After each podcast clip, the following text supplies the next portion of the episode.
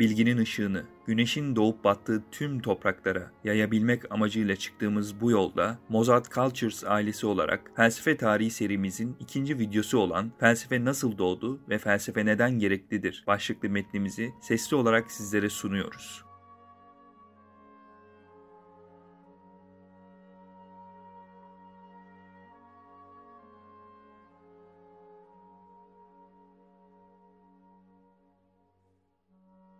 Felsefe nasıl doğdu ve felsefe neden gereklidir? Felsefe geçmişten günümüze kadar tartışmaya açık bir mesele haline gelmiştir. İnsanın doğumuyla beraber meydana çıkıp diğer canlılardan bizi düşünme yetisiyle ayırmıştır. İnsanın doğumuyla düşünme eylemi var olmuş olsa da bildiğimiz üzere antik Yunan'da felsefe sistematik hale gelmişti. Felsefenin doğuşu dönemin önemli ticaret merkezi ve liman kenti olan İonya uygarlığında Miletos kentinde ortaya çıkmıştı. İonya'dan önce Mezopotamya, Mısır ve benzeri topluluklarda da düşünce sistemi vardı. Fakat mitlerin yani efsanelerin ve dinlerin felsefe tarihinde karşımıza çıkan bilgi, varlık ve değer kavramlarını bu çerçevede etkilemesi düşünce sistemlerini felsefe düzeyine çıkarmaya yetmemiştir. Bu sebeple İonya, düşünce sisteminin felsefe olarak kabul görmesinin nedeni de düşünce sisteminin dini ve mistik yani mitolojik açıklamalar yerine akla dayalı olmasıdır. Mezopotamya, Fenike, İran ve Mısır gibi toplumlarda düşünce sistemi olmasına rağmen İonya'yı onlardan ayıran en önemli özelliklerin başında coğrafi konum ve sosyokültürel etmenler vardır. Milet kenti yani bugünkü Aydın ve İzmir sahil şeridine antik Yunan'da verilen ad, tarım ve denizciliğin gelişmiş olması dolayısıyla dönem düşünürlerine avantaj oluşturmuştur.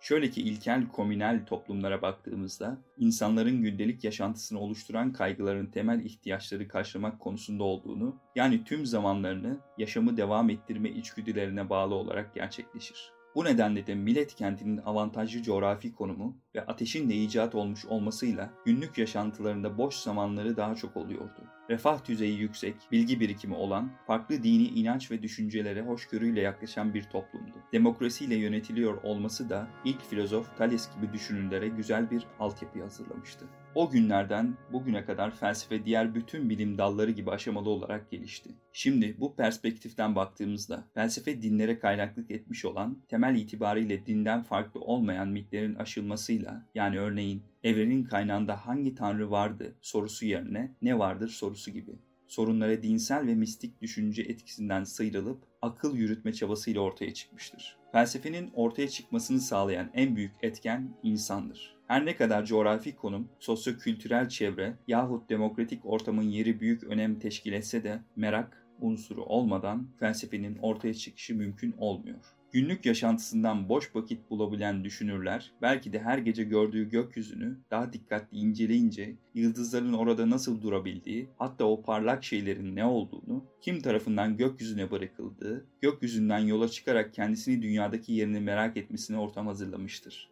Felsefe de merakla başlar. Varlığımızı, Tanrı'nın olup olmadığını, evrenin sonsuzluğu yahut sınırları ve daha birçok soruyu ekleyebiliriz. Rasyonel düşünceye geçmekle doğanın varoluşunu mitlere değil, doğa olaylarına bağlamakla zihnin keşfine başlandı. Günümüze dönecek olursak, herkeste mevcut olan merak dürtüsü, hiç felsefeyle alakası olmayan bir insanı bile en azından yarın ne olacağını merak ederek düşünme eylemine iter. O yüzdendir ki felsefe, yaşamın her alanına karşımızda çıkıp ilkokuldan üniversiteye kadar müfredatımızda yer alır. Nasıl ki her bilgili insan filozof olamıyorsa, aynı şekilde her düşünen insana da filozof demek doğru olmaz. Örneğin, gökyüzünde yıldızları merak eden birinin bunun kim tarafından gerçekleştiği sorusu değil de bunun altında ne var, doğa olayı mı yoksa tanrı mı sorusu sorarak akla dayalı bir düşünme başlatmış olacaktır. Yine bu örnekten yola çıkacak olursak, günümüzde bir insanın evren, tanrı, varlık gibi konularda merakını gidermek için filozofların akıl yürütmelerini göz önünde bulundurmasının bu rasyonel düşünme eyleminde bireye yardımı olabilir. Filozoflar ve felsefe metinleri yazıldıkları dönem çerçevesinde değerlendirildiği takdirde bize yeni pencereler açabilir. Descartes şöyle der. İyi kitaplar okumak, geçmiş yüzyılların en ünlü beyinleriyle sohbet etmeye, hatta bu yazarların en iyi düşüncelerini bize açtıkları bir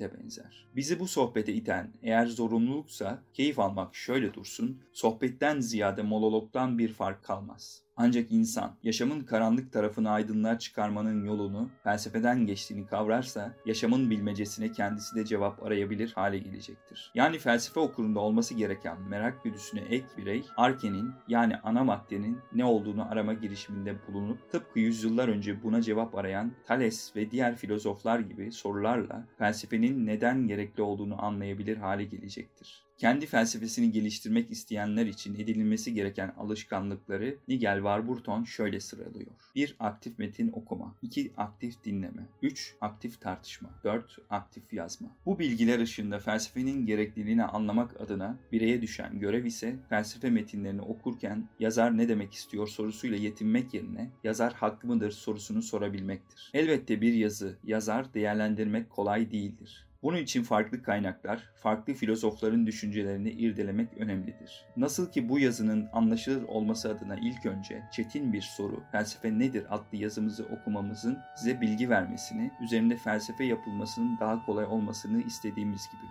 Peki yazar bu söylediklerinde haklı mıdır?